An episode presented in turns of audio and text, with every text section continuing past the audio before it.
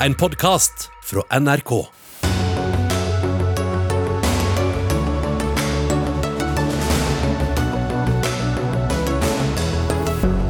Mistenkt spion søkte jobb ved to norske universiteter. De ansatte er i sjokk, sier rektoren ved universitetet som tok ham inn.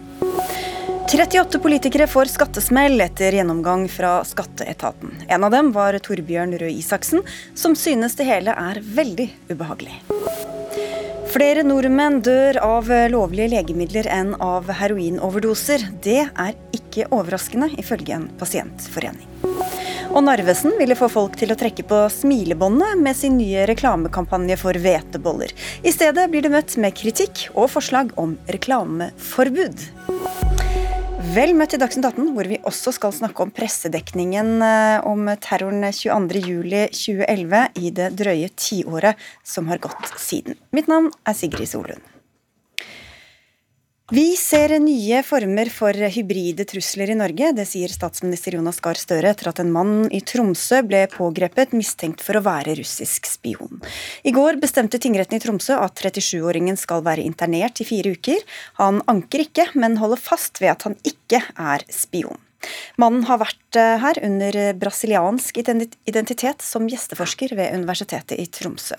Hedvig Moe, du er assisterende sjef i PST. Det er dere har etterforsket denne saken. Hvor solide bevis mener dere at dere har mot denne mannen? Vi mener vi har eh, gode bevis for at han er en, eh, en, gjesteforsker som du sier, her i Norge, som har vært der under falsk identitet, men som eh, har operert på vegne av russisk etterretning. Så skal vi jo nå etterforske om han faktisk kan straffes for spionasje, men uavhengig av om han kan straffes eller ikke, så mener vi altså at han har operert her på vegne av russisk etterretning, og at det er fare for at han har skaffa seg nettverk og kunnskap og informasjon som vi ikke ønsker skal komme på russiske hender hender. Hvordan kom han i deres søkelys? Det kan jeg ikke gå inn på konkret, men uh, i uh, sånne illegalistsaker da, som, som, dette gjelder, så er vi vanligvis avhengig av et godt og nært samarbeid med våre søsterorganisasjoner i utlandet.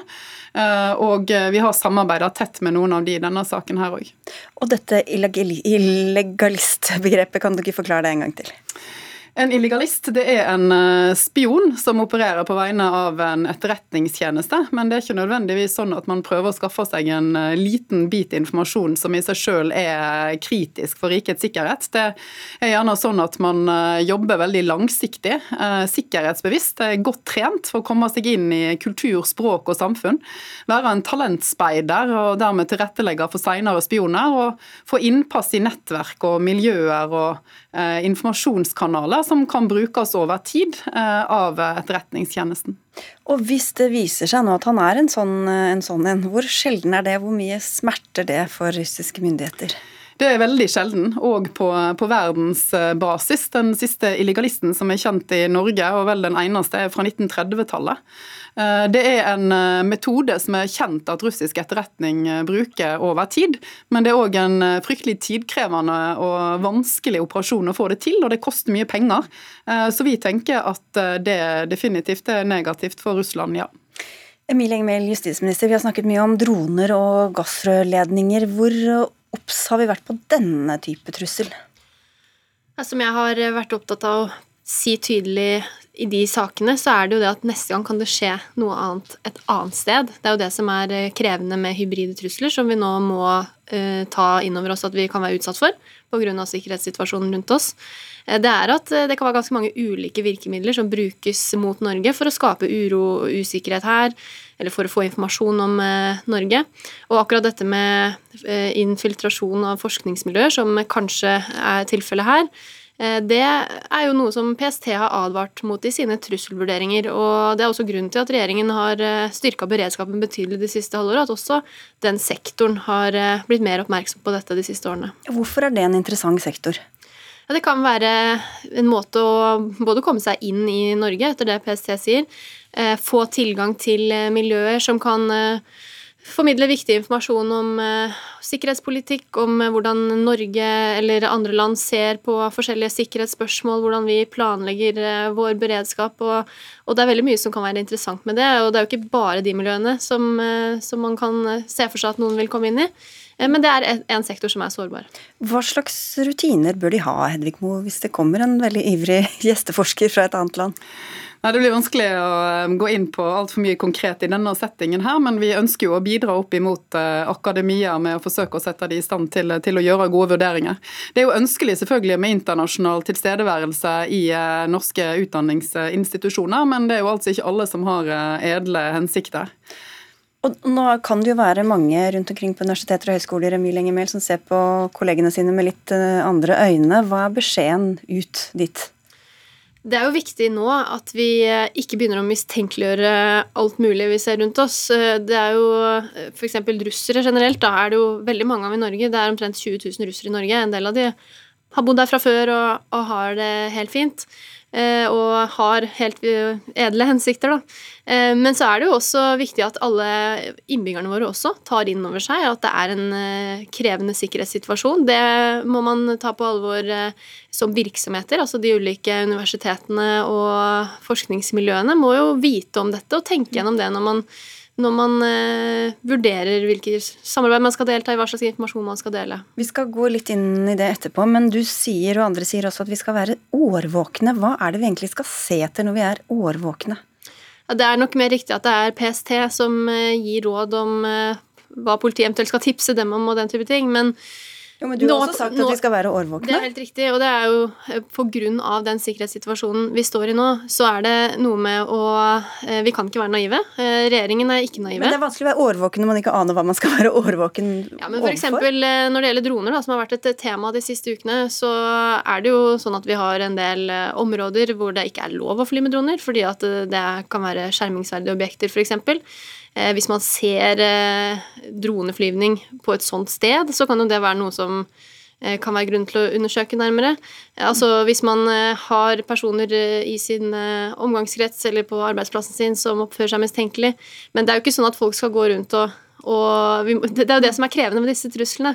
Det er at man bruker jo helt vanlig, lovlig aktivitet gjerne til å skape usikkerhet. Og, og, Derfor er det også viktig å være tydelig på at vi har mye beredskap, og PST og politiet gjør en god jobb nå. Ja, hvordan ser dere på hva, hva Russland driver med i Norge nå, Mo? Vi ser et veldig bredt og sammensatt bilde i virkemidlene som blir brukt eh, mot oss. og Veldig mye av det er jo for så vidt kjent fra tidligere. Men uh, oppimot disse droneobservasjonene som statsråden var inne på, så er jo det noe av den synlige aktiviteten som vi har vært mest opptatt av i hele landet de siste ukene. Men det er altså bare en liten del av bildet. Vi ser mye som er fordekt òg. Og vi tenker det er viktig å få fram at det som er synlig, sånn som disse dronene Vi har jo sagt at det kan være kartlegging av kritisk viktig infrastruktur, eller i verste fall forberedelse til sabotasje, selv om vi mener at det er usannsynlig. Men det er viktig for oss å få fram at uh, den type metode uh, gjerne også kan være det som vi kaller signalering. Som betyr at en eh, statlig aktør, da i dette tilfellet Russland, f.eks. kan sende opp ei drone i nærheten av et eller annet kritisk sted i Norge for å vise at man er i Norge og bruker metoder her. Og Signalering betyr altså da rett og slett å sende et signal, gjerne eh, forsøke å villede mm, oss til å være opptatt av den type etterretning, mens det er mye annet som skjer. Kanskje for å spre frykt og usikkerhet, f.eks. om gassleveranser, eller teste beredskapen vår og eventuelt ønsker å få fram en reaksjon hos norske myndigheter da, eh, mot det som skjer. Og det er det bildet som vi ser av muligheter. Så kan ikke vi konkludere nå i de enkelte sakene, men, men det er altså mulig at uh, hensikten, hvis det er Russland som står bak noe av det, er rett og slett et, å sende et signal om at man er i Norge, uten å skulle bruke det til noe mer dramatisk. Dere skal få lov å uh, gå herfra, holdt jeg på å si, men før uh, du får gå helt, Hedvig Moe, hva vet dere nå om hva denne mannen faktisk gjorde på universitetet? Hva han var knytta til? Vi mener at han har kommet seg på innsida av et forskningsmiljø som, eh, som, gir grunn til uro for at han har fått eh, informasjon eller skaffa seg nettverk som, som, ikke er bra for, for norsk eh, samfunnssikkerhet, egentlig. Og det er jo delvis fordi at eh, det rett og slett er et universitet i nordområdene som jo er strategisk viktig, men òg fordi han har jobba med bl.a. hybride trusler. Og fordi det miljøet har samarbeida med statlige institusjoner her, som bl.a. Cyberforsvaret. Samla sett er jo dette viktige etterretningsmål, i tillegg til at norsk forskning er det i seg sjøl. Så det er det som er bakgrunnen for bekymringen vår. Takk skal dere ha, justisminister Emilie Enger og assisterende PST-sjef Hedvig Mo. Da skal vi fortsette å snakke om denne saken, for det var ikke bare Universitetet i Tromsø som fikk en henvendelse fra denne mistenkte spionen. Det samme gjorde Nord universitet. De avviste søknaden, skriver både NRK og VG i ettermiddag. Men dere tok ham inn, Dag Rune Olsen, du er rektor ved Universitetet i Tromsø, Norges arktiske universitet. Og hvorfor gjorde dere det? Det er jo fordi at eh, vedkommende representerte en eh, fagprofil, et forskningsfelt, som var interessant for de som eh, er hos oss. De fikk en henvendelse, gikk gjennom CV-en og vurderte den. Hadde to intervjuer, et digitalt og så et fysisk etter hvert. Og innhenta referansesjekk bl.a. med institusjoner i Canada, hvor vedkommende som, hos oss, som har vært den som jobbet tettest på, har kontakt kontakter på de universitetene som har vært relevante. Nå hørte vi PST-sjefen si noe om hva slags informasjon han kan ha fått uh, kloa i. Hva vet dere nå om uh, hva han kan sitte på av informasjon? Ja, så Det er jo ikke noe sånn, det er jo ikke slik at vi og våre forskere har eh, informasjon som er sikkerhetsbelagt. Eh, men det som jo assisterende PST-sjef også peker på, så er det jo kunnskap om det nettverket og det miljøet. Og det er klart at eh, Dette hadde vel ikke skjedd hvis det ikke var fordi at det miljøet hos oss er internasjonalt anerkjent og viktig, nettopp fordi at det forsker på hybridkrig, eh, sikkerhet og eh, den type spørsmål i en geopolitisk um, utfordret tid i Arktis. Hva sier de ansatte hos dere i dag, da? Nei, De har jo tatt dette med, med, med sjokk. Eh, det kommer jo helt bardus på de naturligvis. Og de har jo ikke oppfattet dette som annet enn en, at vedkommende har vært interessert i fagfeltet sitt, en, en genuin forsker, og som er jovial og godt likt. Så er spørsmålet litt hva man kan gjøre for å unngå å havne i uh, sånn situasjon, da, som vi var litt inne på. Maria Bartnes, du er forskningssjef i Sintef Digital. Dere har ansatte fra 75 nasjonaliteter, en internasjonal arbeidsstokk. Men dere gjennomfører også sårbarhetssamtaler. Hva går det ut på? Ja, først så vil jeg si at Vi skal jo være verdensledende, og er verdensledende innenfor de forskningsområdene som vi jobber på. Uh, og det er krevende, for det betyr at vi skal ha de aller beste hodene fra hele verden, de beste forskerne til å jobbe hos oss, og samtidig ta inn over oss det trusselbildet som PST så tydelig tegner, og har tegna i flere år. Uh, sårbarhetssamtaler er ett av de tiltakene som vi har innført, um, og det handler om å snakke med medarbeidere som har tilknytning til de landene som PST fremhever, for å snakke om hva er risikoen, hva kan de bli utsatt for, Eh, de har tilgang til informasjon, de kjenner folk, har nettverk eh, som deres myndigheter kan være interessert i. Ja, For da gjelder det folk press. som kanskje kan bli ja, utsatt for press, som du sier, og bli tatt kontakt med et etterpå. Men hva hvis noen ja. kommer hit med eh, skumle motiver, da? Ja, da er ikke sårbarhetssamtalen riktig tiltak. for Hvis noen kommer hit med skumle motiv, så vil de jo ikke snakke om det i sårbarhetssamtalen. og Derfor så har vi mange andre tiltak på plass også. Eh, og når vi skal ansette, eh, så må vi gjøre en vurdering av hvilket fagområde skal vi ansette innenfor. Hvilken informasjon vil forskeren få tilgang til, hvilke kunder det er snakk om, hvilke prosjekter skal vedkommende inn på. Eh, og, og hva slags Altså, kan vi ansette en person som ikke kan sikkerhetsklareres, f.eks. Det er vurderinger som vi er nødt til å gjøre. Dag Rune Olsen, du sier at universitetet ikke hadde hatt mulighet til å avsløre denne mannen. Hvorfor ikke? Ja, Det er det PST som forteller oss. og Det er fordi at dette er en person som kommer eh, med en falsk identitet, bygd opp gjennom år. Vi har nettopp hørt eh, assisterende PST-sjef beskrive hvordan illegalister er eh, si, fenomenet, hvordan det utvikles over tid. Og med en identitet som er egnet slik at de kan gå inn i et, med, på en troverdig måte inn i et forskningsmiljø. Så det vi har jo løpende, er jo regelmessige samtaler med PST PST. Og de gir oss gode råd eh, på veien som vi følger opp. Mm. Og vi har ikke brukt sikkerhets... Eller unnskyld, sårbarhetsdiskusjoner med våre ansatte, men vi ser vel ikke at det, og som vi hører her også fra Sintef, treffer akkurat i denne sammenhengen her. Vi skal nok forholde oss til å kvalitetssikre de hva skal jeg si, vitenskapelige papirene, og så er det jo spørsmål i hvor stor grad ut, utlendingsmyndighetene våre er i stand til å, å eh, avdekke falsk identitet, som jo er eh, utgangspunktet for denne saken. Da, hvis, det er, eh, hvis det er hold i PSTs anklagelser. Det vet vi jo ikke ennå, så klart. Geir Hågen Karlsen, du er oberstløytnant ved Forsvarets høgskole. Hvordan ser du på denne saken? Det som er interessant her, er jo at ugradert informasjon kan være av stor interesse for fremmede makter. Det er klart Hvis du jobber med sikkerhet og beredskap på et universitet, og særlig hvis du etablerer deg som en forsker over tid, så vil du i et lite land som Norge komme i kontakt med folk fra Forsvaret, sånn som meg. Jeg har vært i kontakt med det forskningsmiljøet tidligere. Jeg eh, har dessverre aldri fått tid til å jobbe nærmere med det, eller kanskje heldigvis, litt avhengig av hvordan vi skal se det. Eh, du kommer i kontakt med myndigheter, eh, bedrifter. Du får en god forståelse av sårbarheten i det norske samfunnet. Eh, hvem som jobber for å beskytte det, hvilke planer som legges, hvem, eh, hvilke svakheter som de kanskje kan utnytte. og Det vil være veldig nøye, det er nyttig for f.eks. Russland. Det, eh, og Sånn er det på mange områder. Bartnes er jo selvfølgelig mer inne på teknologi som kan være interessant. Det er jo mye teknologi som det er eksportrestriksjoner på, som man ikke har lov til å selge til Russland eller Kina eller Iran eller en del andre steder. Og hvor Sintef selvfølgelig prøver å være verdensledende. Så de har jo andre utfordringer på det området. Men er eh, universitetssektoren eh, ekstra utsatt fordi man nettopp vil være internasjonalt eh, rettet også? Kunnskap og kompetanse og teknologi er alltid interessant. Og vi prøver jo på alle forsknings- og utdanningsinstitusjoner å være i front, ikke sant? og da blir man interessante. Bartnes var inne på en ting i sted som jeg tror er veldig viktig med sårbarhetssamtaler.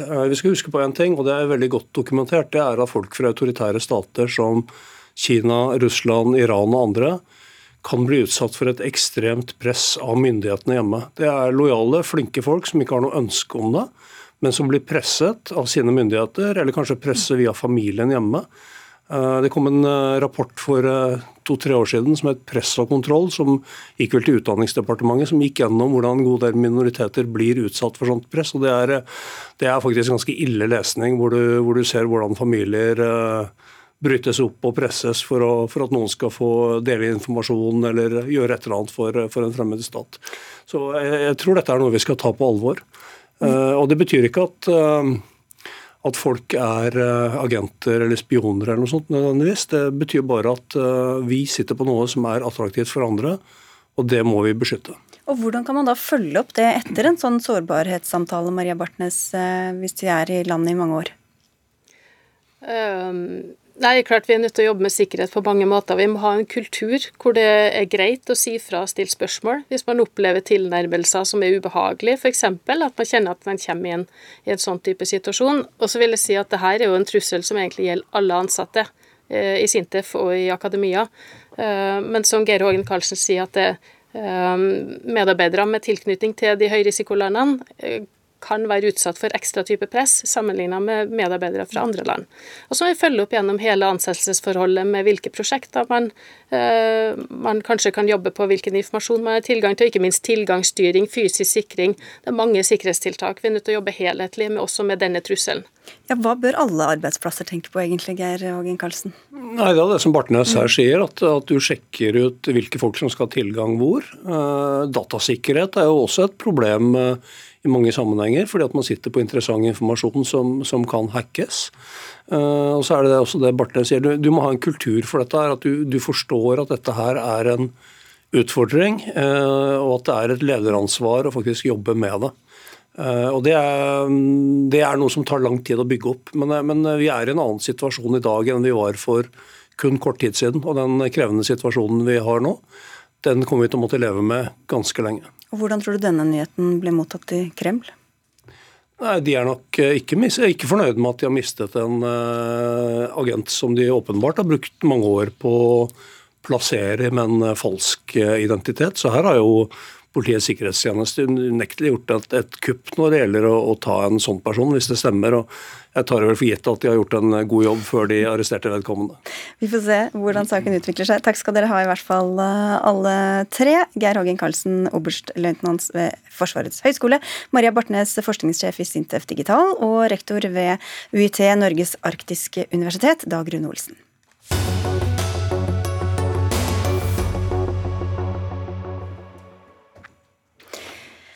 Etter å ha kontrollert hele 290 politikere fra storting og regjering, mener skatteetaten at 38 av dem har betalt for lite skatt. Blant annet handler dette om de mye omtalte pendlerboligsakene. Stortingets administrasjon, Stortingets presidentskap og statsministerens kontor skal nå gå gjennom disse funnene, og vil derfor ikke kommentere sakene her i studio i dag. Men skattedirektør Nina Skanke Funnmark, hvor alvorlig mener dere at disse sakene er? Eh, aller først vil jeg si at vi Nå har vi gjennomført disse kontrollene og fattet vedtak. Vi er opptatt av å sikre likebehandling. Eh, og det å få en etterberegnet skatt eller arbeidsgiveravgift fra oss, eh, det anser vi jo som alvorlig. Ja, Men er, hvor store summer er det snakk om? Hva er det, hva er det folk har gjort gærent? Her er det, det er pendlerbolig vi har kontrollert for de politikerne som har fått tildelt pendlerbolig fra Stortingets administrasjon eller fra statsministerens kontor. Og skal du kunne ha en altså det er jo en del som trenger å ha en pendlerbolig for å ivareta jobben, og skal du kunne ha den skattefritt, eh, så må du ha tilstrekkelig eh, kostnader på hjemstedet. Utgifter på hjemstedet. Og Da er det mange som har sagt at de trodde de gjorde alt riktig, men så tolkes regelverket forskjellig, eller at det er litt vanskelig. Hvor entydig vil du si at dette regelverket egentlig er? Så det overordnede prinsippene om at en pendlerbolig er skattefritt og skal du slippe, er skattepliktig og skal du slippe å betale skatt, så må du ha eh, hatt utgifter. Det å kunne ivareta det prinsippet med at du skal kunne ha eh, to boliger for å ivareta jobben din, den mener vi er klart. Eh, og så er det deler av reglene her som har, vi har vært diskutert, og jeg registrerer at andre er eh, uenige med oss. Det gjelder noen, noen, ting knyttet til merkostnader. Det gjelder hvorvidt du kan ha en, en skattefri pendlerbolig dersom du har eh, helt eller delvis leieinntekter, og så gjelder det knyttet til markedsverdi. Og så er det noen som har prøvd å gjøre det riktig, og så har de fått gale råd fra Stortinget. Eller Stortinget mener vel selv ikke at de har gitt gale råd, men dere mener at de har gitt gale råd. Og hvem er da ansvarlig? Enhver skattyter er selv ansvarlig for at Eh, skatten blir At man gir riktige opplysninger. Eh, både arbeidsgiver og den skattepliktige selv er ansvarlig for å gi riktige opplysninger. Eh, også i dette tilfellet. Hva om noe kan disse sakene få å si for andre som har pendlerbolig, men som ikke er politikere? Dette er et pendlerregelverk som gjelder likt for alle. Det er noen særbestemmelser knyttet til, til bosted, men bortsett fra det så er det et pendlerregelverk som gjelder likt for alle. Og så er det sånn at eh, Vi vurderer det enkelte faktum, faktum i den enkelte saken, opp mot regelverket. Eh, det vi vil gjøre nå, er å ta de erfaringene vi har med oss nå, for å tydeliggjøre veiledningen vår enda mer. Vi mener at vi har gitt generelt god veiledning, men vi kan bli bedre på noen punkter. Eh, sånn at det skal være enda enklere for å gjøre det rett. Men hvis så mange bare på Stortinget og regjering har feiltolket, så er det vel grunn til å tro at det er ganske mange rundt omkring i landet som også har gjort det samme? Vi gjennomfører ca. 12 000 arbeidsgiverkontroller hvert år. Eh, og noen ganger så er det pendlerregelverket det gjelder, andre ganger så er det andre ting. Eh, dette er regler som er like for alle. Eh, og noen ganger som sagt så er det endringer, ikke alltid. Men nå kommer det presiseringer, i hvert fall. Det gjør det. Takk skal du ha, skattedirektør eh, Nina Skanke Funnemark. Det var eh, en som um, fikk en litt ubehagelig beskjed i forbindelse med disse funnene, og det er deg, Torbjørn Røe Isaksen. Nå samfunnsredaktør i E24, tidligere statsråd og stortingspolitiker for Høyre. Aftenposten skriver i dag at du fikk brev fra skatteetaten med beskjed om at du får en tilleggsskatt for bruken din av pendlerbolig. og Dette går helt tilbake til 2012. Hva var det som skjedde?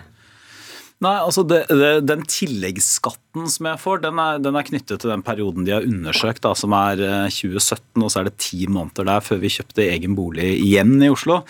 Men sånn kort oppsummert så mm, var jeg folkeregistrert i Oslo da jeg ble valgt inn på Stortinget for mitt hjemfylke. Altså jeg er fra Porsgrunn og har alltid liksom holdt på med politikk der.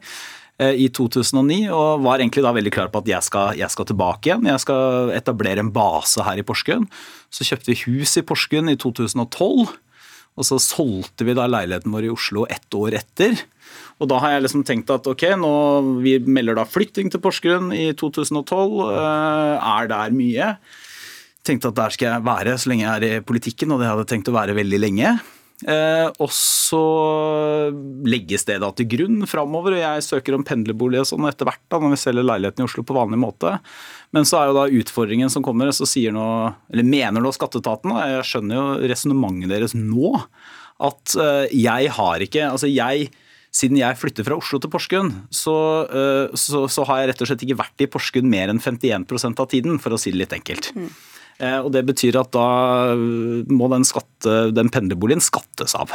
Får en sånn slags følgefeil. Da. Men uh, regelverket er ganske tydelig, hørte vi her. Er du enig i det, eller? Altså, jeg, det jeg kan si, altså jeg jeg kan egentlig bare snakke for meg selv. Da. Altså, jeg har jo prøvd og i, 2012 så har jeg jo forsøkt å skjønne dette og gjøre det riktig. Og det jeg da liksom la til grunn, var at for det første at det var ønsket at hvis man er valgt inn fra et fylke, som tross alt er, er også hjemfylket mitt, da, så er det liksom ønskelig at man skal kunne etablere seg og ha en base der og sånn. Og at man som andre politikere også skal kunne ha familie i Oslo. For det, det er viktig å si at det, vi har da hatt hverdagene våre i Oslo, har ikke lagt noe skjul på det. Og det er jo litt av problemstillingen her, da. Eh, men det jeg burde gjort, var jo å sjekke dette enda grundigere med skatteetaten, og ikke bare legge til grunn en sånn folkeregistrering og at det ble godkjent. Så får liksom andre vurdere om regelverket er godt nok eller klart nok nå. Det er vel en slags enighet om at det kan bli klarere, i hvert fall. Men det er uansett mitt ansvar. Både som politiker og borger i dette landet, så er det mitt ansvar å gjøre disse tingene på en skikkelig måte. Men var du en av dem som spurte Stortinget om råd? Altså Jeg prøvde å finne ting i 2012 og 2013, men jeg har vært veldig opptatt av å si hele veien at det er noe, det er liksom ingen andre som kan ta ansvar for, for hva jeg har uh, søkt om og uh, rapportert inn til skatteetaten og sånn. Så jeg kan si at jeg har prøvd å følge regelverket, og trodde faktisk helt inntil for ja, et halvt år siden eller sånn, at jeg hadde midt på det rene. Til og med liksom vært litt sånn stolt og sagt at jeg har veldig lave skuldre, men det, det hadde jeg ikke noen grunn til å ha. For det, det, viser seg jo da hvis, eh, at skatteetaten mener at det har jeg ikke gjort. da. Og Nå blir jo dette også litt satt i sammenheng med mm, denne Nav-skandalen, der minst 80 personer ble uriktig dømt for trygdesvindel. Minst 2400 trygdemottakere fikk feilaktig krav om tilbakemelding. Den har du vært ansvarlig statsråd ja, for også? det var vel involvert. jeg selv også som brukte det som et eksempel i dag. Når folk spurte sånn hvordan har dette vært for deg, så har jeg sagt at selvfølgelig er dette her Altså, det er ikke noe behagelig. Jeg har brukt mye tid på å bekymre meg over dette og prøve å gå opp eh, sporene, men jeg har jo også vært ansvarlig statsråd for å håndtere nettopp kjølvannet av Nav-skandalen og møtt folk som har blitt rammet for helt forferdelige ting. Og Det setter det litt i perspektiv. så det er på en måte ikke jeg kan ha mine følelser rundt dette, men det er ikke synd på meg som tidligere politiker. Du har råd til å betale 220 000 kroner i tilleggsskatt? Altså det, er, det, er, det, er, jo selvfølgelig ekstremt sure penger, og det kanskje verste er eh, å havne i en situasjon hvor hvor man kommer inn i disse sakene. da. Så Vi har jo da hatt et hus i Porsgrunn i ti år. Det har aldri vært leid ut. Jeg har ikke bodd på gutterommet hjemme hos foreldrene mine. Det har bare vært vårt hus. Det var vårt eneste eide hjem en periode. Men like fullt da så, så er vurderinga fra skatteetaten som jeg må forholde meg til, at jeg burde ha betalt skatt da for pendlerboligen. Og det gjør du nå, uten å klage? Sannsynligvis. Jeg skal ta en liten runde, men jeg er litt sånn klar for å bli ferdig med dette, må jeg innrømme. Da får vi si takk for at du kom hit også, Torbjørn Røe Isaksen.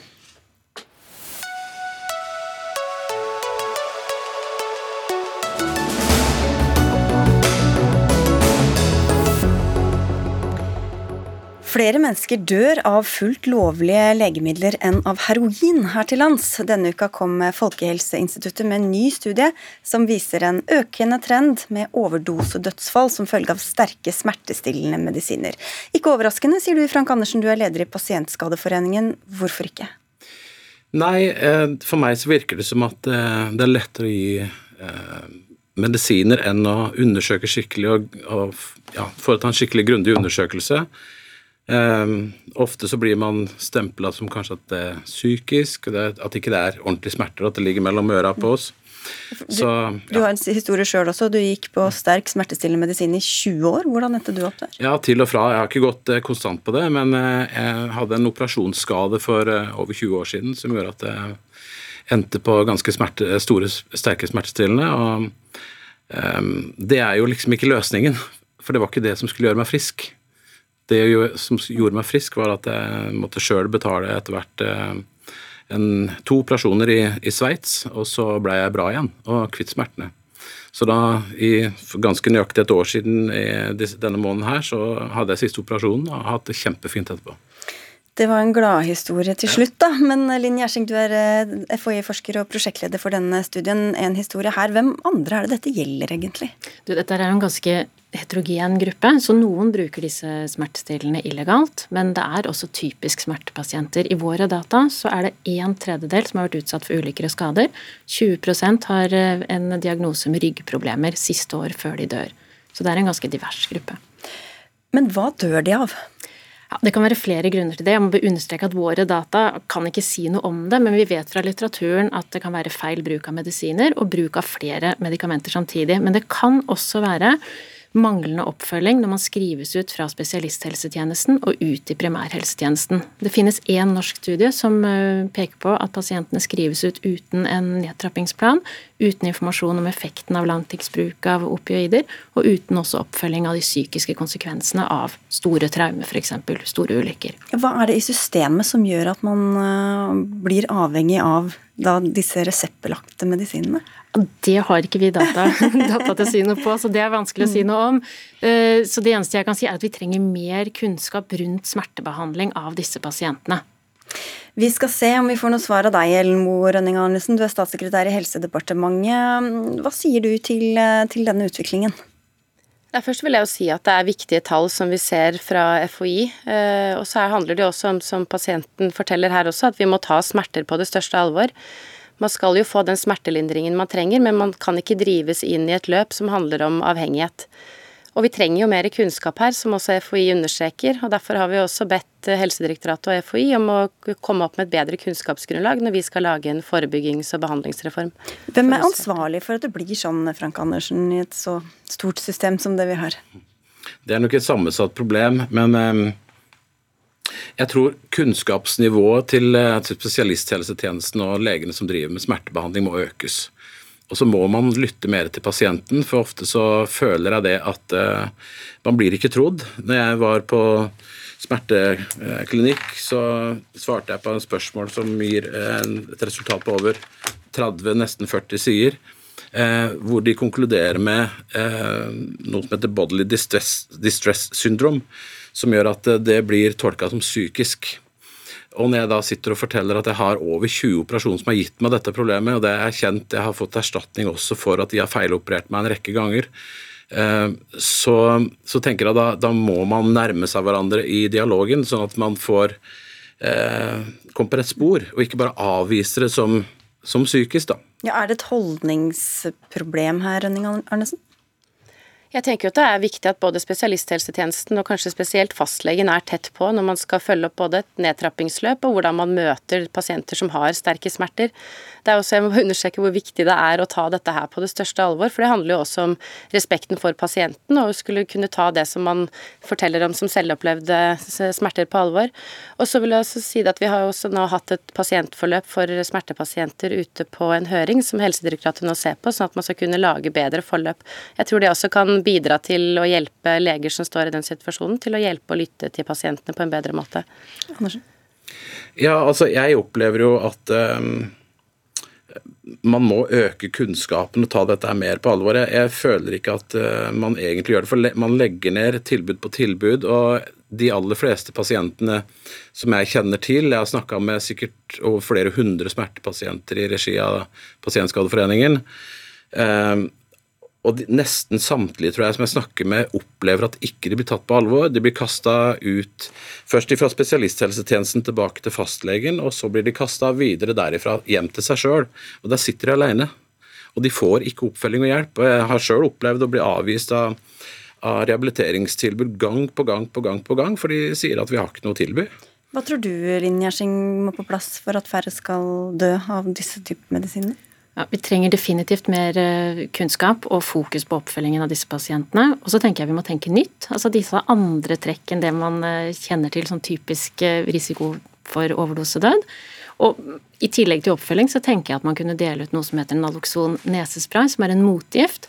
Da får legen en anledning til å snakke med pasienten om overdoserisiko hvis man bruker andre typer legemidler, og man får også muligheten til å ha en motgift tilgjengelig hvis uhellet skulle være ute.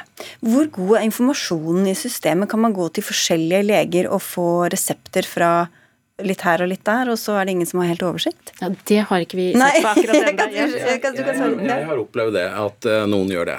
Uh, og shopper litt medisin her og litt der, og de vet hva de trenger og de vet hva de kan få. Jeg er litt redd at kanskje til, til syvende og sist får de en cocktail av medisiner. Det er ikke bare én type medisin, man får en cocktail av av opioider, og man får cocktail av eh, andre smertestillende. Og antidepressiva er veldig mye brukt i smertebehandling, og jeg skjønner ikke helt hvorfor. Jeg lurer på hvor forskningen er at den virker faktisk godt. Eh, men totalen da, av alle de medisinene du får i deg, kan ikke være uheldig, og det tror jeg gir mer smerte på sikt òg. Så man, man, ja, man må forske mer på det, og, så må man heller ikke bare kutte ut all behandlingen som, en, som en, liksom et resultat av denne dialogen vi har nå. Man må passe på at hver eh, smertepasient får faktisk god oppfølging. Man må ikke bare slutte nå å gi medisiner, for det trenger vi jo. Men hvor god informasjon er det innad i dette systemet, Rønning Arnesen? Akkurat hvordan, hvordan, informasjonen gis fra hver enkelt lege, det kan ikke jeg gå inn på, men jeg er helt enig med det som sies fra begge hold om at vi både må tenke nytt, og at vi også trenger at legene er tettere på, så at man både opplever smertelindringen, og at man ikke havner ut i et avhengighetsløp. Så jeg tenker det er viktig med den tette koblingen fra legen sin side også. Og så er det uten tvil at vi også trenger mer oversikt over hvilke legemidler hver pasient mottar. Men hvor lett er det Frank Arnes, eh, Andersen, for leger å holde igjen når pasientene ber om det og sier at de har så forferdelig vondt? Nei, altså, jeg opplever at det er litt forskjellig. Noen leger er veldig restriktive eh, og holder igjen ganske mye. og Spesielt hvis du skifter lege, at du får en, ny lege som skal se oi, du står på så mye, da må vi kutte litt. Mens andre gir litt for lett, fordi at da er de kvitt pasienten. Virker det litt sånn, for å si det litt flåsete. Um, og så er det litt enkelt, men samtidig så gir man eh, både pasienten og helsevesenet en mye større problem på sikt. Mm. Og um, jeg kjenner til eh, pasienter som har vært operert, eh, feiloperert i, en ankel hvor, hvor, man da ender opp å dø fordi man havner på fentanyl smerteplaster kombinert med en del andre legeforskrevne eh, medisiner, og så dør man rett og slett av en operasjon fra en ankel. Det er, det er ikke sånn det skal være. Og mer forskning og mer informasjon, det var dere i hvert fall enige om eh, alle tre. Takk skal dere ha for at eh, dere kom hit. Frank Andersen, leder i Pasientskadeforeningen. Linn Gjersing, som er forsker ved Folkehelseinstituttet. Og Ellen Moe Rønning Arnesen, statssekretær i Helse- og omsorgsdepartementet.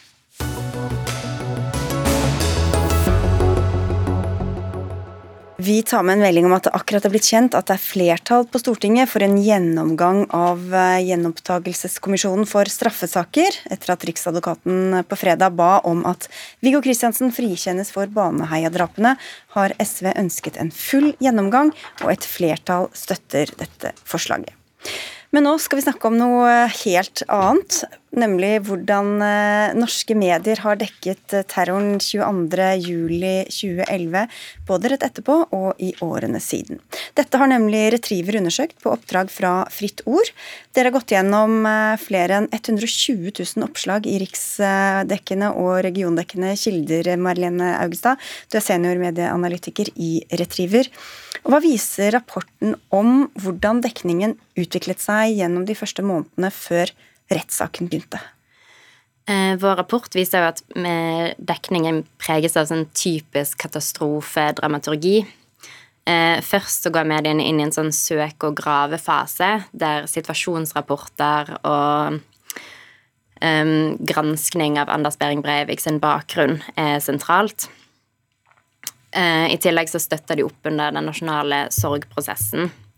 Og gode eksempler på det sistnevnte er dekning av rosetogene og Stoltenberg sin tydelige linje om å møte terroren med mer åpenhet. Eh, etter hvert så blir det rettet et mer kritisk søkelys på beredskapssituasjonen. Dette, i tillegg til spørsmålet om Breivik sin tilregnelighet, er dominerende de siste, den siste perioden frem mot rettssaken starter 16.4 2012. Og etter dette så er det rettssaken som dominerer mediene. Vi skal snakke med AUF eh, straks. De var jo et hovedmål for eh, terroristen. I etterkant var de både offer og har vært en, selvfølgelig en politisk aktør de siste årene også. Hvordan ble de møtt i mediene i tiåret etter terroren? Eh, vi så jo i 2021-debatten at AUF påpeker at de har møtt mye motstand når de har uttalt seg i offentligheten etter 22.07. Eh, de påpeker at de har blitt anklaget og mistenkeliggjort for å bruke terroren til sin politiske fordel. Og vår tallfesting av begrepene Utøya-kortet, 22. juli-kortet og ytringsansvar eh, bidrar til å bekrefte disse utfordringene som AUF mener at de har hatt. Altså at de eh, blir anklaget for å spille på det, forsøke å utnytte det at de var offer? Ja, bruke det til sin politiske fordel og dra 22. juli-kortet. Eh, et eksempel på dette finner vi allerede høsten 2011, når Eskil Pedersen på LO Stats kartellkonferanse eh, trekker frem FrPs retorikk og rolle i innvandringsdebatten og mener at politikere må ta et ansvar for samfunnsdebatten. Og da får han jo mange reaksjoner både fra politikere og kommentatorer. Hvordan og hvor mye ble høyreekstremisme diskutert og dekket da, i årene etter terrorangrepet? Eh, vi ser at eh, tiåret før eh, terroren, altså fra 2001 og frem til 2011, så blir høyreekstremisme omtalt i 498 oppslag, mens i tiåret etter, altså fra 2011 og frem til 2021, så blir det omtalt i over 6000 oppslag. Så det er en ganske stor økning. Mm. Og så, som jeg sa, vi skal snakke med AUF, AUF, men hvor mye har uh, terroren i regjeringskvartalet fått oppmerksomhet i forhold til den som skjedde på Utøya?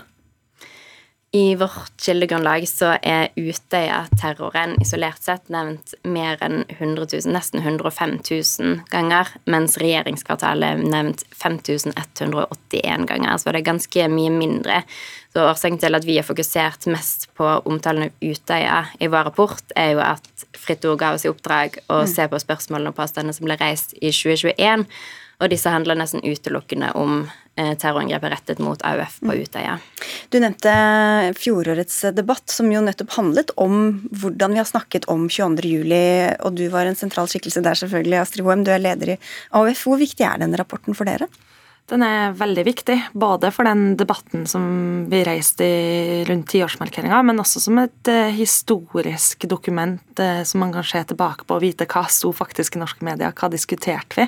Det tror jeg er viktig både for debatten, men også for historien i ettertid. Du var, eh, har også vært involvert, Reidun Kjelling Nybø, du er generalsekretær i Norsk redaktørforening. Hvordan vil du beskrive den jobben presten har gjort de siste elleve årene? Um, I all hovedsak så mener jeg jo at Eh, pressen har gjort en eh, ganske god jobb eh, rundt denne saken. Nå er det jo ikke til å unngå i en så utrolig vanskelig sak at det, at det ikke skjer feil fra pressens side. Det, og det har vi jo sett at det har vært beklaga feil. Det har vært fellelser i pressens faglige utvalg. Men, men sånn hovedsakelig så mener jeg jo det at det har vært en, en utrolig brei debatt. Eh, og så ser jeg jo at det er ting um, I lys av den debatten som vi fikk i fjor, som var veldig viktig. Og denne kartlegginga, som jeg som jeg er helt enig med Astrid Hoem, er veldig god å ha som dokumentasjon på det som skjedde, så ser jeg jo det at det er forhold rundt denne rollen som AUF ble tildelt i samfunnsdebatten og i mediene, som kunne ha Altså som mediene kunne ha vært mer bevisst rundt. Uh, og, og, vi kunne ha reist den debatten om AUF. Uh, de kunne ha sluppet å gjort det sjøl og sluppet å vente på de bokutgivelsene. Ja, det, det, har ikke handla om vrang vilje, det tror jeg ikke. I, I, denne rapporten så er det 21 redaktører som er intervjua og De eh, bekrefter at, at, de har på ingen måte noe vrang vilje rundt dette. Men jeg tror det går på manglende bevissthet og kunnskap, rett og slett, rundt eh, den ofte Altså, eh, AUF ble jo tildelt en offerrolle, og samtidig så ønska man å ta AUF på alvor som politisk aktør. Og da ble det vanskelig. Hva tror du, Hån? Jeg tror at det var litt for oss som om liksom alle voksne i rommet snudde seg og spurte oss hva gjør vi nå, og samtidig så var den rollen og den boksen vi ble satt i, veldig trang. Eh, den første tida så var vi også mest opptatt av å uh, velge hvilke begravelser man skulle gå i, skrive nekrologer. Og etter hvert så så vi at det var ingen andre som løfta den debatten om at det her faktisk var et politisk terrorangrep. Så gjør Eskil Pedersen det på LO sin kartellkonferanse på Gol. Det ble veldig hard medfart. Både i sosiale medier, ja, for Det var da han lanserte dette ytringsansvar-begrepet og Ja, og sa at også høyresida har et ansvar for å være med i debatten rundt 22.07. Og det var da man eh, ble møtt på Stortingets talerstol om at eh, man Arbeiderpartiet har spilt offer etter 22.07. Vi så mer og mer større grad at folk brukte ulike varianter av 22.07-kortet. Og det gjør jo nok også at vi vegrer oss mye. fordi at eh, det å skulle snakke politisk om terroren, var også å få beskjed om at du ikke skulle spille politisk mynt. Og så mener jeg at det endra seg veldig etter 2021-debatten, for jeg sto på den samme talerstolen på Gol eh, i fjor. Sa egentlig akkurat det samme som Eskil. Like store deler av Press-Norge satt der da, og det var ingen reaksjoner etterpå. Mm. Eh, og det tenker jeg viser at det rommet heldigvis har blitt utvida. Nå skal jeg jo nevne at Per Sandberg beklaget jo i etterkant også, mm. det ble jo mye oppstyr rundt det, det han sa der. Men hvordan skal man debattere politisk mot noen som nettopp har blitt forsøkt drept, da? Jeg tror det her er viktig at vi, at vi lærer av det vi så etter 22. juli, også det vi så etter angrepet på Al-Noor-moskeen. Da hadde vi også et høyreekstremt terrorangrep som fort, veldig fort endte opp i en debatt om håndhilsning, og kanskje ikke det vi burde ha snakka om. Hvordan forebygger vi terror? Hvordan påvirker det norske muslimer som ikke føler seg trygge i gudshuset sitt lenger? Og det samme også nå etter skytinga 25.6, så er jeg bekymra for at vi veldig eh, raskt både går videre, men også finner helt andre sidedebatter som egentlig grøftekjører det som er den aller viktigste debatten. Hvordan er det det man unngår at eh, denne type ekstremisme eh, finner sted. Hva tar du med deg videre, Nybø? Eh, mange ting. Eh, jeg har reflektert mye i, eh, i, forbindelse med at jeg har fått lov å lese denne rapporten på forhånd. Eh, noe som den debatten i fjor har lært oss, og, eller vi har, vi har, visst det lenger enn fra i fjor, men, men vi har fått en mye større bevissthet rundt det her med hvis du er medievant som kilde, så betyr ikke det at du er medievant i alle sammenhenger. Selv om du er leder for Norges største ungdomsparti, så betyr det jo ikke at du er vant til å bli eh, møtt av en terrorist som prøver å skyte, eh, og etterpå bli stilt kritiske spørsmål fra mediene. Og det har vi f.eks. Vi laga en, en, veileder til redaktører og journalister om hvordan man skal møte ofre og pårørende. Så vi laga i fjor i forbindelse med tiårsdagen. Eh, og, og, der har vi tatt akkurat det med. Og det er fordi vi har vært i dialog med AUF. at vi havna altså i den debatten i fjor sommer så kjente jeg litt på i etterkant at, vi, at det ble litt mye skyttergravsdiskusjoner. Jeg er veldig glad for at vi kunne møtes med innestemme, og vi lærte i hvert fall veldig mye ut av det. Nå hørte vi om forskjellen i dekningen på Utøya og regjeringskvartalet. De var jo utsatt for den samme gjerningsmannen, og nå var det jo riktignok mange flere ofre på Utøya enn det var i, i Oslo sentrum. Men har det vært en fare for at de har blitt litt glemt oppi dette også? Ja, det, det er klart at, at det vil jo alltid være sånn at, at uh, medieoppmerksomheten uh, ble jo helt det var jo en helt vanvittig sak. Vi snakket mest om arkitektur når det gjelder regjeringskvartalet, ja, ja. og ikke så mye om ofrene ja. og deres pårørende. Ikke sant. Hva tenker du, Hoem? Jeg tenker at, at, det er veldig mange også fra regjeringskvartalet som, som nok hadde den samme opplevelsen som vi hadde. At rommet var størst for å snakke om de personlige historiene. Og hvordan man skal egentlig kunne snakke mer om det å komme tilbake på jobb. Eh, hvilken sikkerhet har vi, hvilken eh, forebygging har vi. Og at det er kanskje viktig å huske på etter alle sånne ekstreme terrorangrep. Nettopp både eh, hvordan kan vi la ofrene få en stemme eh, der de, det man ønsker å si, er det som kommer fram. Eh, og så er det jo også en stor del av den rapporten som skjer på det det høyreekstreme og plassen i, i, mediebildet etterpå, som er veldig interessant. Både i en økning i antall som man kan si er høyradikale ytre høyre som uttaler seg til pressen, men også mer det eh, kvantitative enn det kvalitative. Ja, for Der handler det mye om lokalpolitikk og sånn mm. i de eh, mm. innleggene, og ikke om, eh, om ytre høyre-politikk. Ja, men, og det er jo litt mitt poeng at, eh, at kvalitativt så er det er kanskje enda viktigere hva, ikke mengden, men hvor er det man får det rommet hen. At det å stå på om det er NRK-debatten eller TV 2 har større effekt enn det å uttale seg til en lokalmedia. Og det må vi også være mer bevisst på, den normaliseringa av det høyreekstreme som de også bevisst bruker sjøl. Nå ligger i hvert fall rapporten her, som alle kan gå inn og lese. Takk skal dere ha for at dere var med her, Astrid Hoem, leder i AUF, Reidun Kjelling Nybø, generalsekretær i Norsk redaktørforening, og Malene Augustad, senior medieanalytiker i Retriever.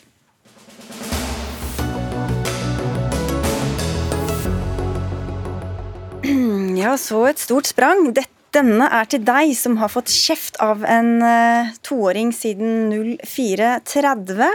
Eller denne er til deg som nettopp har hatt Teams-møte på en stappfull buss. To eksempler fra Narvesens uh, reklamekampanje for hveteboller. Og andre søtsaker. En kampanje som har satt eh, flere sinn i kok, kan vi lese i vektklubb.no, og den falt ikke helt i smak hos deg heller, ernæringsfysiolog Tine Sundfør. Hva er problemet? Du, utfordringen er jo spesielt dette her å koble så veldig dette med mat og følelser, fordi dette er så problematisk for så mange. At det er så mange som takler emosjonene sine med å spise. Og vi vet at i dag så er det i Norge 70% av befolkningen som har overvekt, og 30% som har fedme. Og vi vet også, unnskyld, 25% som har fedme. Og vi vet også at de som har fedme, så er det 30% av de som sliter med det vi kaller en overspisingslidelse. Der man ikke bare spiser litt for mye av og til, men der man har en virkelig utfordring i livet sitt i forhold til dette med å takle emosjoner. Og det er det jeg syns er litt usmakelig med kampanjen, da. Men dette her skal sies at dette må ses i et større perspektiv, og det handler ikke bare om reklamen til Narvesen. Det handler om eh, det å reklamere for usunne produkter generelt. Ikke sant, og nå er dette et ledd i det, Laila Røstad. Du er HR- og kommunikasjonsdirektør i Reitan Convenience Norge, som driver da blant andre Narvesen. Her handler det jo om trøstespising og unne seg noe godt. Hvorfor vil dere sende dette budskapet? Ja, vår hensikt med denne kampanjen var jo å skape litt humor i hverdagen.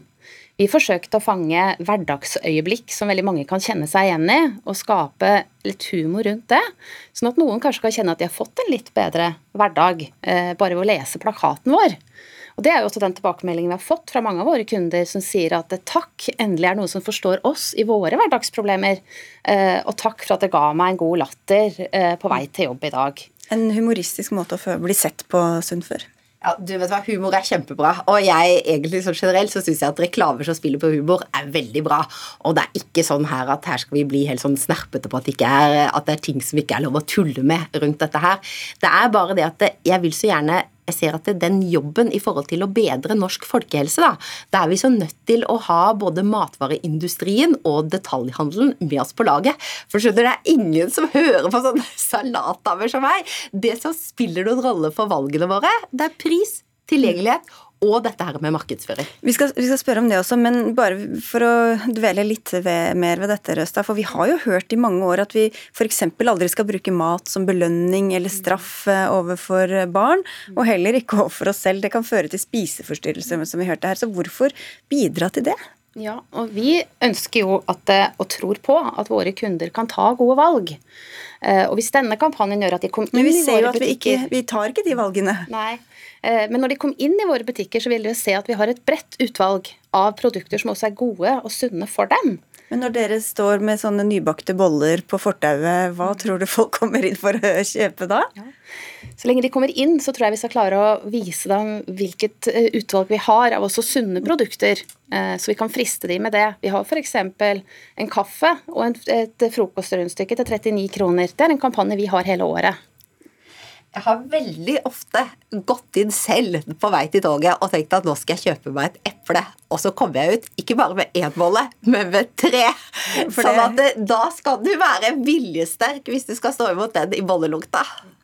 Kim Bjørntvist, du er førstelektor i kreativitet og kommunikasjon ved Høgskolen Kristiania og har laget mange reklamer for mat sjøl i din tid i reklamebransjen. Hvorfor tror du akkurat denne reklamen får kritikk?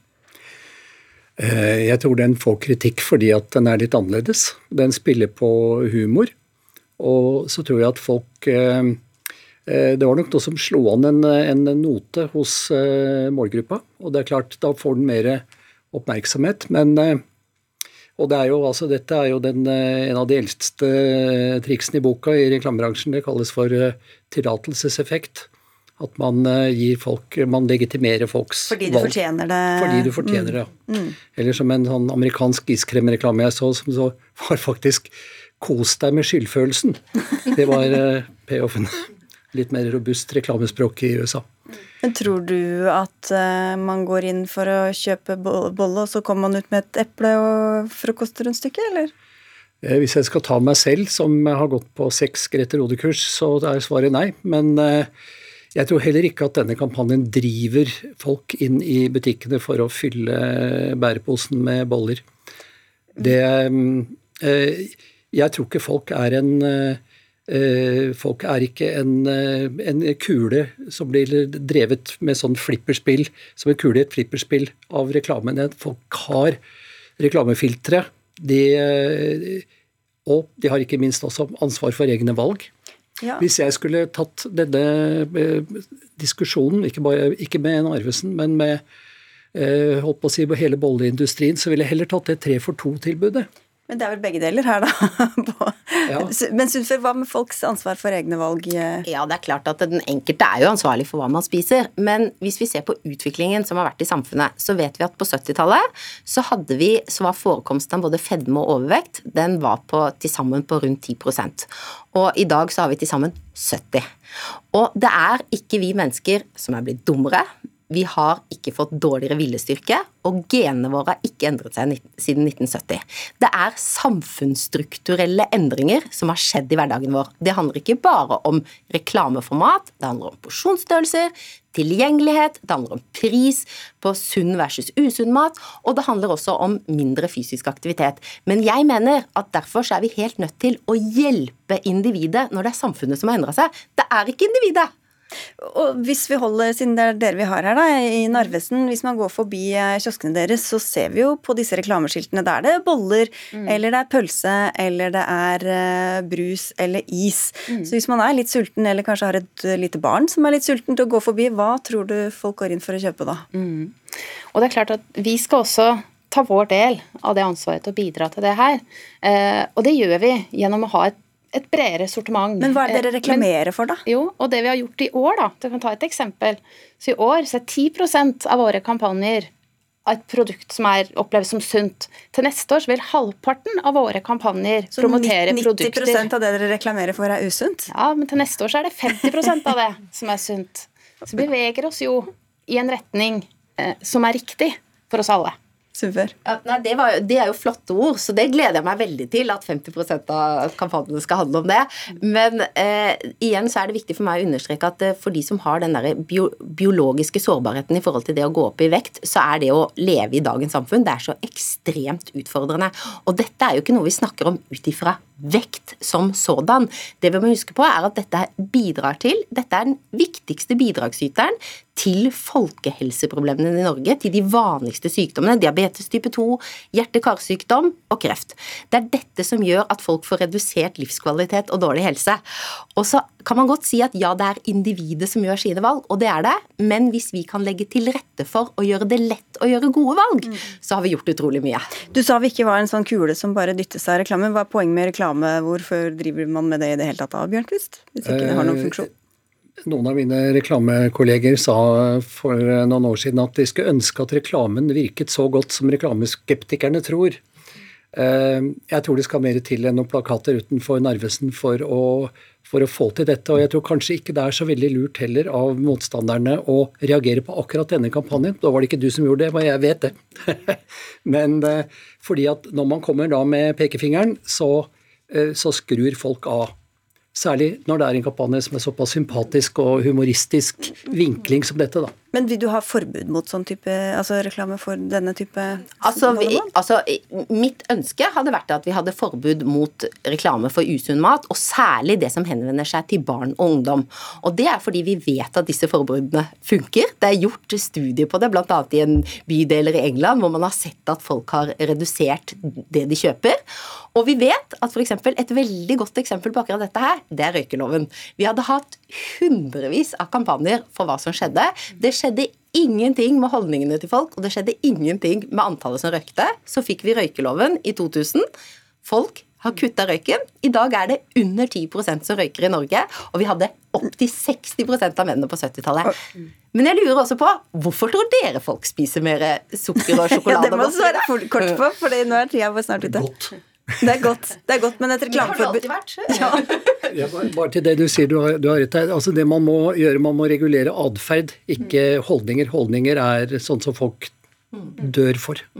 Men inntil videre blir det altså fortsatt bollereklame på, på Narvesen eh, Røsla. Ja. ja. Vel, da får vi prøve å holde oss eh, i skinnet alle sammen. Takk skal dere ha for at dere var med i Dagsnytt 18.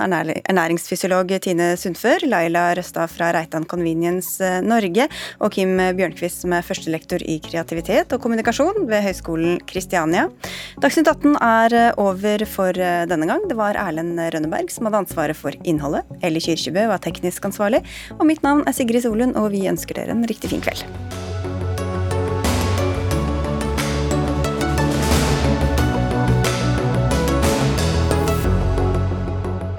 Du har hørt en podkast fra NRK.